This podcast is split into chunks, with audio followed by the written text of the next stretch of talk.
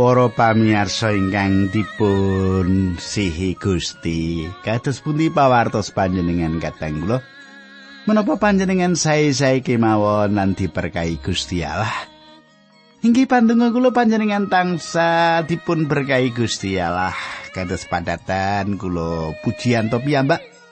Badhe sesarengan kalian panjenengan wonten ing salebetipun adicara margi utami adicara ingkang sampun dados kelangenan panjenengan. Kangge panjenengan ingkang nembe kemawon mirengaken adicara menika. Menika adicara ingkang nirikaken panjenengan nambahi kawruh babagan kitab suci kangge nanggulangi perkawis-perkawis cobaning gesang ingkang awrat. Menawi panjenengan kathah mangertos janjinipun Gusti Allah pramila panjenengan badhe teguh menawi ngadepi sedaya tantangan ingkang wonten ing jagat menika. Nah, monggo nyaket kalian kula mriki sugeng midhangetaken adicara menika.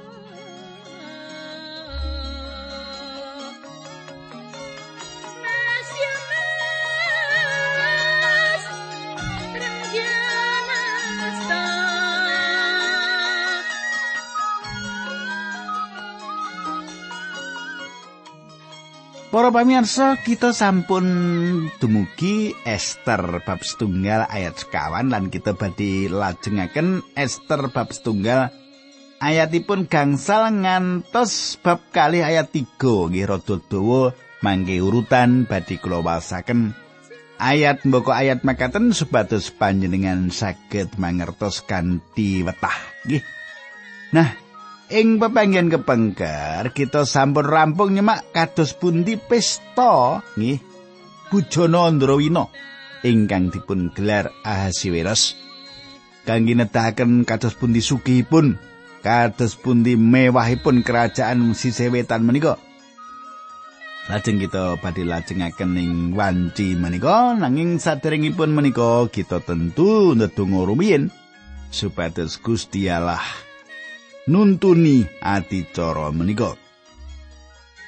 Dukanya Rama ingkang adhedhampar wonten kraton ing kasuwargan kawula ngaturaken gunging panuwun menawi wekdal menika kawula saged tetunggilan kalian sedherek kawula ingkang setya tuhu midhangetaken adicara menika. Kawula nyuwun berkah Gusti menawi wonten ingkang ringke imanipun paduka kiyataken lumantar pangandikan menika menawi wonten ingkang sisah prihatin kawula suwun paduka nglipur. Kani pangandikan menika menawi wonten ingkang kedah mutung awet kahanan ingkang dipun adapi paduka kiyataken. Lirambaran asmanipun Gusti Yesus Kristus kawula netunggal haleluya amin.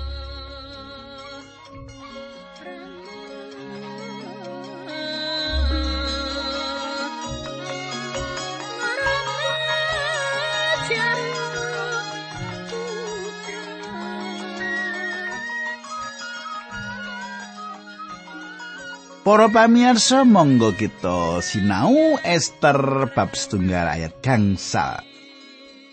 Ing basa pedinan menika nggih bareng wis tekan semono mau Sang Prabu tumuli ngawontenake bujana meneh kanggo sakai para kawula kang ana ing beteng kedaton Susan, para priagung dalem para wong cilik suwene pitung dina ana ing plataraning pertamanan kedaton. Panjenengan katasaken katang kula Ahasiweros ngawontenaken bujana ingkang dados puncaking wekdal pitung dinten pungkasan. Ayat 6. Langsene leno mori alus lan kain wungu tuwa kang tinalinan leno alus lan kain wungu nom. Cuman taling gelangan saloko ing soko-soko marmer putih sarta kandel kancana lan saloko kapernahake ing jerambah marmer marmer putih giwang lan marmer monco warna. Kadang kula saloko emas mutiara lan barang-barang ingkang indah. Pating centel nggih pating centel. Wonten ing mriku. Nedahaken menapa kasugianipun kerajaan menika Malah tilas kedaton menika tasih mbuktekaken kasugihan pun kerajaan Parsia menika. Bujana Ndrawina ingkang dipun tindakaken Ahasiweros nelasaken biaya ingkang ngidapi-dapi lan boten saged kabayangaken. Dipun semak saking sejarah kadonyan tujuan Ahasiweros ngawontenaken bujana menika kangge angsal panyengkuyung ing salebetipun ngelaraken jajahanipun. Piyambakipun gadah kekajengan saben tiyang mangertos bilih piyambakipun saged mbiayani peperangan ingkang badhe dipun tindakaken menika. Piyambakipun ginakaken bujana Andrawira menika kangge yakinaken para pengageng lan para panguwaos. Ayat pitu lan wolu. Pangunjuke kaladekake ana ing tuwung kancana kang mawarna-warna lan angguri anggur pangunjukane Sang Prabu nganti turah-turah kang pantes tumrap ing ratu. Diri carane ngombe iku ora peksan awit dawuh Sang Prabu saking para abdi daleming kedaton kakarsakaken manut sakarepe sawiji-wijine wong. Para pamirsa panjenengan katosaken tiang-tiang boten nate meksa tiang supados nginum. Nanging jaman samenika upaminipun wonten acara resmi pepanggen bisnis kita asring malah dipun peksa kangge nderek nginum. Ayat songo. Sang Prameswari Wasti uga mangun bujana kanggo para wanita kabeh kang ana ing kedatone Sang Prabu Ahasiweros. Kadang kula Wasti ugi ngawontenaken pesta mligi kangge golongan tiang setri. Golongan tiang jaler beto istrinipun nanging tiang-tiang menika mboten kesaing bujana ingkang sami ing jaman semanten. Satunggal panerak dumateng adat istiadat masyarakat jaman semanten ing mriki menawi tiang jaler lan tiang setri ndumugeni bujana ingkang sami. Menika benten kalian bujana-bujana ing jaman samenika. Ayat sedoso. Nalika ing dina kang kaping pitune nalika Sang Prabu Karnan ing galih marga saka sumu ing anggur, Sang Nata banjur dawuh marang piyagung kedaton pitu kang caos ana ing ngarsane asmane Mehuman, Bista, Karbona, Bikta, Abakta, Setar lan Karkas. Kadang kula Ketingalipun raja inggih menika tiyang ingkang damelanipun inum-inuman. Pendamelanipun inum-inuman dipun pratelaken sang raja Karnan. Inggalih marga saka sumo ing anggur ing dinten kaping pitu. Satunggal pitakenan menapa raja pantes mimpin menawi piyambakipun remen mendem. Ahasiweros kekandhaleni dening alkohol lan Ahasiweros nindakaken satunggalipun perkawis ingkang mboten ate dipun tindakaken menawi piyambakipun mboten mendem. Piyambakipun paring parintah dumateng priagung kedaton pitu supados meto sang ratu wasti dateng pesta menika. Ayat 11. Podho kedawan nyowanake sang prameswari wasti mau marang ing ngarsa dalem kalawan ngagem makutaning keprabon supaya mamerno kaendahan wernane marang para kawulan para panggedhe amarga sang prameswari iku endah banget wernani. Para pamirsa, Raja sampun mameraken kasugian lan kamewahanipun lan piyambakipun sampun ngatingalaken kados pundi limpatipun kangge nindakaken kekajenganipun ngelaraken jajahanipun. Samenika ing salebetipun mendem piyambakipun nindakaken satunggalipun patrap ingkang lelawanan kalian tujuan utami ing medal menika. Sang Ahasiweros gadah kekajengan mameraken wasti wanita ayu badhe dados barang tontonaning bujana Andrawina menika ing mriku tiang-tiang jaler sami nglempak. Menapa ingkang dipun tindakaken menika satunggalipun patrap ingkang nerak angger-anggering kasusilan saking tiang jaler dumateng tiang setri. Lajeng ayat 12 mekaten. nanging sang prameswari mopo sowan ngistake timbalane dalem kang kaaturake dening priyayi kedaton mau temas sang prabu duka banget nganti mangar-mangar pasuryani Para pamirsa panjenengan katosaken pasti nampik menapa dawuhipun sang raja Nanging sayetosipun piyambakipun nimbang bilih penampikipun saged ugi badhe natoni malah kagungipun ing salebeting kalanggahan raja piyambakipun sayektasipun tetep dateng ing pesta menika wasti kedahipun bangun turut dumateng menapa ingkang dipun dawuhaken sang raja. Ayat 13 kawan belas kang 11 makaten surasipun. Sang Prabu tumulindangu marang para wicaksana kang ngerti adat tata cara ing jaman samono Ujar kaya-kaya mangkono iku lumrahe sabarang prakara kang magepokan karo Sang Nata iku karembuk dening sakaing para ahli angger-angger lan pengadilan. Dene kang cedhak dhewe karo Sang Prabu yaiku Sang Karsena, Setar Atmana, Tarsis Meres, Marsena, Sartos Sang Mamukan, Priagung Pitu, pangedine negara Parsialan Media kang diparengake mirsani pasuryane Sang Prabu lan kang kaparingan kalungguhan kang dhuwur ana ing sajroning kerajaan pandangune Sang Prabu. Awawaton undang-undang Sang Prameswari wajib kepatrapan opo amarga orang ngestokake marang timbalan Sang Prabu Asriweros kang kaaturake dening para priyayi kedaton. Kadang kula kahanan menika nuwuhaken perkawis saking ngantos para pengageng ngawontenaken pepanggihan sawetawis. Nami-nami ingkang dipun sebutaken ing mriki inggih menika para pengageng ingkang saged kepanggih sang raja pribadi. Saged ugi perkawis menika kapireng boten mlebet ing nalar kangge kita ing jaman-jaman menika nanging ing jaman semanten. Menapa ingkang kelampan menika boten perkawis ingkang sepele. Ratu boten bangun turut dawuhipun raja. Para pengageng kedah merantasi perkawis menika ing wekdal menika sang raja lan para priyagung nyawisaken perang ageng lan ratu boten purun nindakaken menapa ingkang dados parintahipun sang raja. Prameswari mboten purun nindakaken menapa ingkang dados dawuhipun Sang Raja. Lan ketinggalipun dereng wonten paugeran ingkang ngatur perkawis menika. Cobi panjenengan semak ayat 16. Sang memukan banjur matur ning ngarsane Sang Prabu lan para panggedhi Sang Prameswari Wasti anggenipun kagungan kalepatan menika mboten namung dumateng Sang Prabu kemawon nanging ugi dateng sekathahipun para bangsa ingkang wonten ing tlatah wewengkonipun Sang Prabu Asiwiros sedaya. Katang kula. Kita sampun kata mireng kasunyatan ing jaman semanten pilih tiang setri menika dipun anggap minangka batur tukon. Ing kata perkawis, panji menika leres, nanging ketinggalipun wasti gadah kathah kamardikan lan boten wonten angger-angger ingkang saged meksa ratu wasti supados saged bangun turut dawuhipun raja kangge andhatangi bujana menika. Para pengageng kedah damel putusan ingkang teges kangge ngawekani kahanan menika. Ing wekdal memukan matur, piyambakipun menika juru wicanten lan tunduk dumateng istrinipun. gitu, takut istri iki. Kados pundi kula mangertos bilih memukan menika tiang kakung ingkang tunduk dumateng semahipun.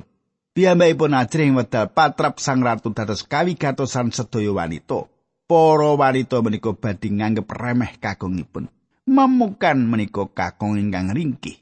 Manut kula, piyambakipun gadah kathah cariyos kekayutan kalian gesang rumah tangganipun.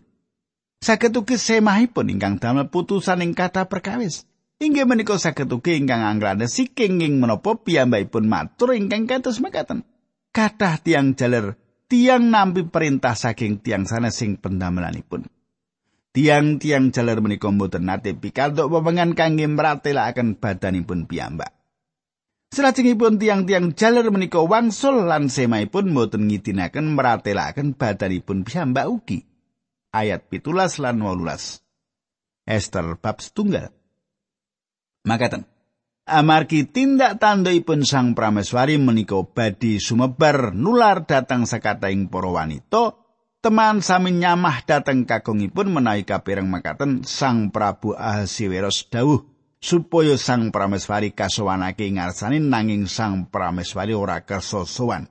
Ing dinten menika semaipun para pengageng ing Persia kalian ing media ingkang sami mireng bab tindak tandhaipun Sang Prameswari punika wau mesti sami raosan bab menika kalian semaipun temahan badhe nuwaken raos ngremehaken so kanepson ingkang boten wonten telas-telasipun. Kadang kula Memukan inggih menika salah setunggal saking para pengageng piyambakipun sanjang aku bakal mbudidaya perkara iki nalika mulih mengko. Memukan inggih menika satunggalipun kakung ingkang ajri istri. Saged ugi nate mireng cariyos kekayutan tiang kakung ingkang tansah manut. Dumateng semaipun ingkang dateng. Dateng kantor ing satunggalipun injang lan ngegungaken badanipun. Wengi iki bojoku sujud ana ing sikilku.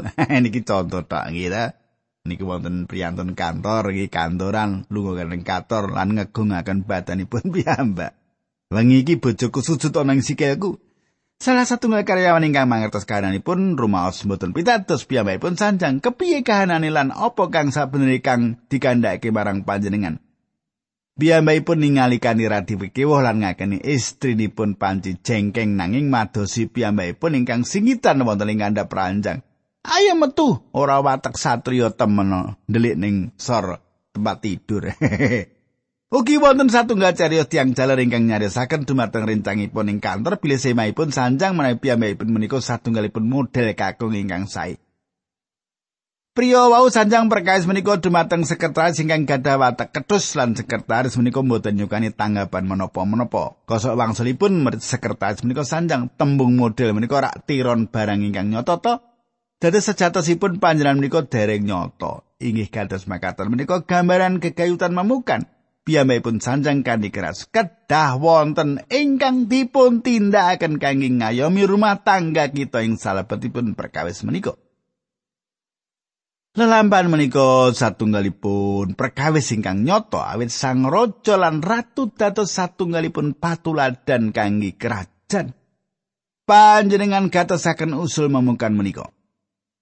Ayat 19 menawi ndadosaken keparengipun penggalipun Sang Prabu. Mungkin dawono undang-undang ing kerajaan kapacak wonten ing angger-angering bangsa Persia lan Media.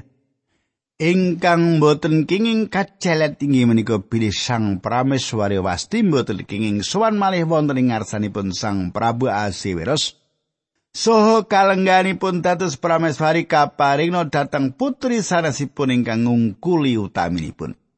Kadang kula Panjenengan emut asal usulipun kitab Esra inggih menika saking satunggal kedaton kapir Satunggal angger-angger kapir ingkang kelampan ingkang boten wonten sesambetanipun kalian angger-anggeripun Musa. Menapa malih kegambaran kesang Kristen ora ana babar blas. Angger-angger menika satunggal angger-angger ingkang nanging menika angger-angger negara Media lan Parsi. Ayat kali dosa ngantos likur.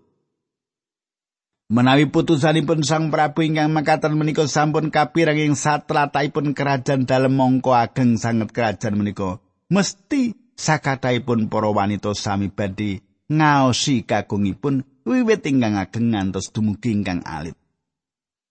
Atur kang mengkono iku kagalih prayoga dening Sang Prabu sarta dening para pangedhi dadine Sang Prabu banjur tumindak laras karo ature Sang Memukan mau. Sang Prabu nuli paring dawuh kakintunake marang sakaing tlatah wewengkon dalem saben tlatah nganggo tulisane dhewe tuwin saben bangsa nganggo basane dhewe surasane saben wong lanang kudu dadi sesiraing brayate dhewe sarta celatu miturut basaning bangsane kadang kula. Sang ratu tunanipun dipun singkiraken Perkawis menika dumados awit piyambakipun boten bangun turut dumateng dawuhipun Sang Raja. Satunggalipun putusan sampun dipun umumaken, putusan menika meratelaken bilih ing salebetipun kerajaan menika semah kedah ngajeni kakung lan kakung kedah ingkang gadah pangwaos. Samenika putusan menika sampun dados angger-angger lan angger-angger menika mboten saged dipun ewahi. Angger-angger menika meratelaken watek wantu Ahasiweros sawetawis piyambakipun kasrat ing sejarah jagat ketingalipun bilih piyambakipun menika tiang ingkang mboten normal. Kados ingkang dipun sandang dening kathah kathah pangwaos sing jagat menika. Lan ngantos samenika tasih kados mekaten. Julius Caesar, Napoleon lan Hitler inggih menika tiang ingkang boten normal.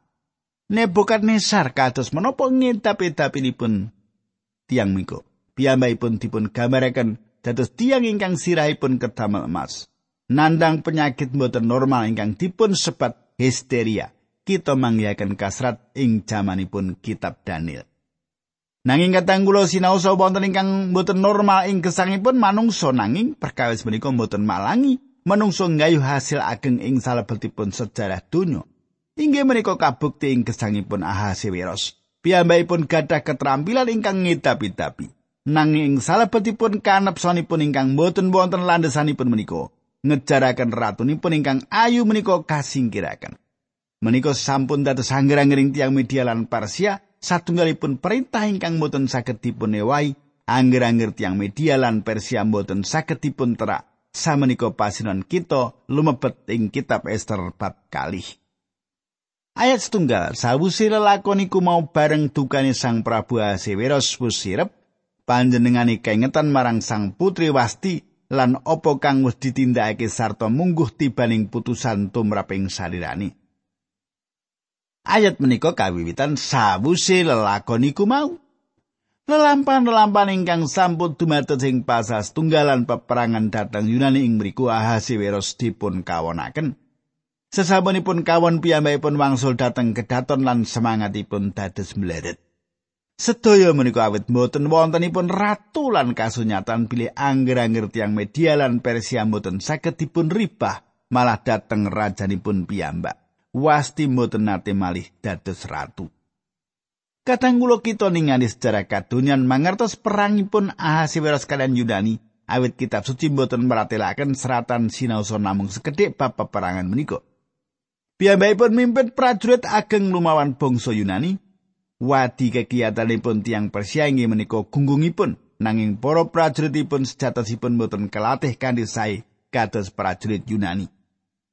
Prajurit Yunani prigel perang menika satunggal lumawan 10 prajurit Persia Dados wonten ing peperangan ing Gerplaelai. Kula mboten ngertos menika daerah pundi menika.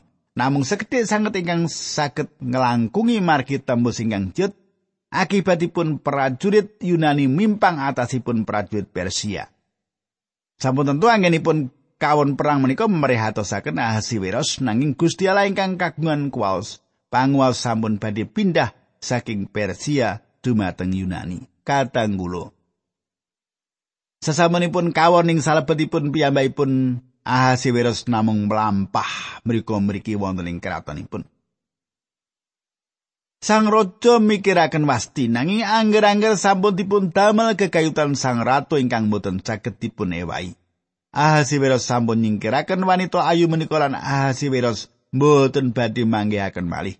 Para prados mangertos pikiranipun lan abdinipun menika nyekseni. Para abdi menika mangertos bilih satunggal perkawis kedah dipun tindakaken. Ayat kali lan tiga. Ing kono para abdi kang ngladosi ana ing ngarsane padha duwe atur mengkini. Sang Prabu mugi kapadosna lari listri prawan ingkang indah ing warni.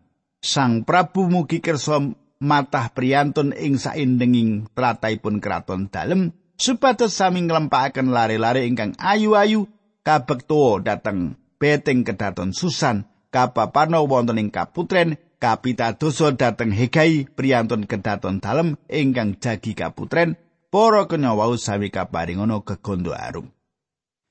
Kadanggula para sentono dalem raja ingkang gadah kalenggan inggil ngatosaken kados pundi prihatosipun lan sisaipun sang raja para sentono dalem gadah atur nindakaken satunggal kontes kecantikan supados sing saindenging kraton dipun padosi perawan-perawan ingkang ayu. Para pamirsa mekaten kula badhe nyuwun pamit nanging sadèrèngipun monggo kita tumungkul kita ndedonga. Kawula sampun sinau kayaktosan saking kitab Ester sejarah ingkang kawula sinau Kawula nyuwun Gusti berkahi kawula, Gusti nuntuni kawula kanthi menapa ingkang kasrat menika saged wonten perkawis enggal ingkang saged kawula bangun wonten ing gesang kawula. Dinambaran asmanipun Gusti Yesus Kristus kawula tetunggal haleluya. Amin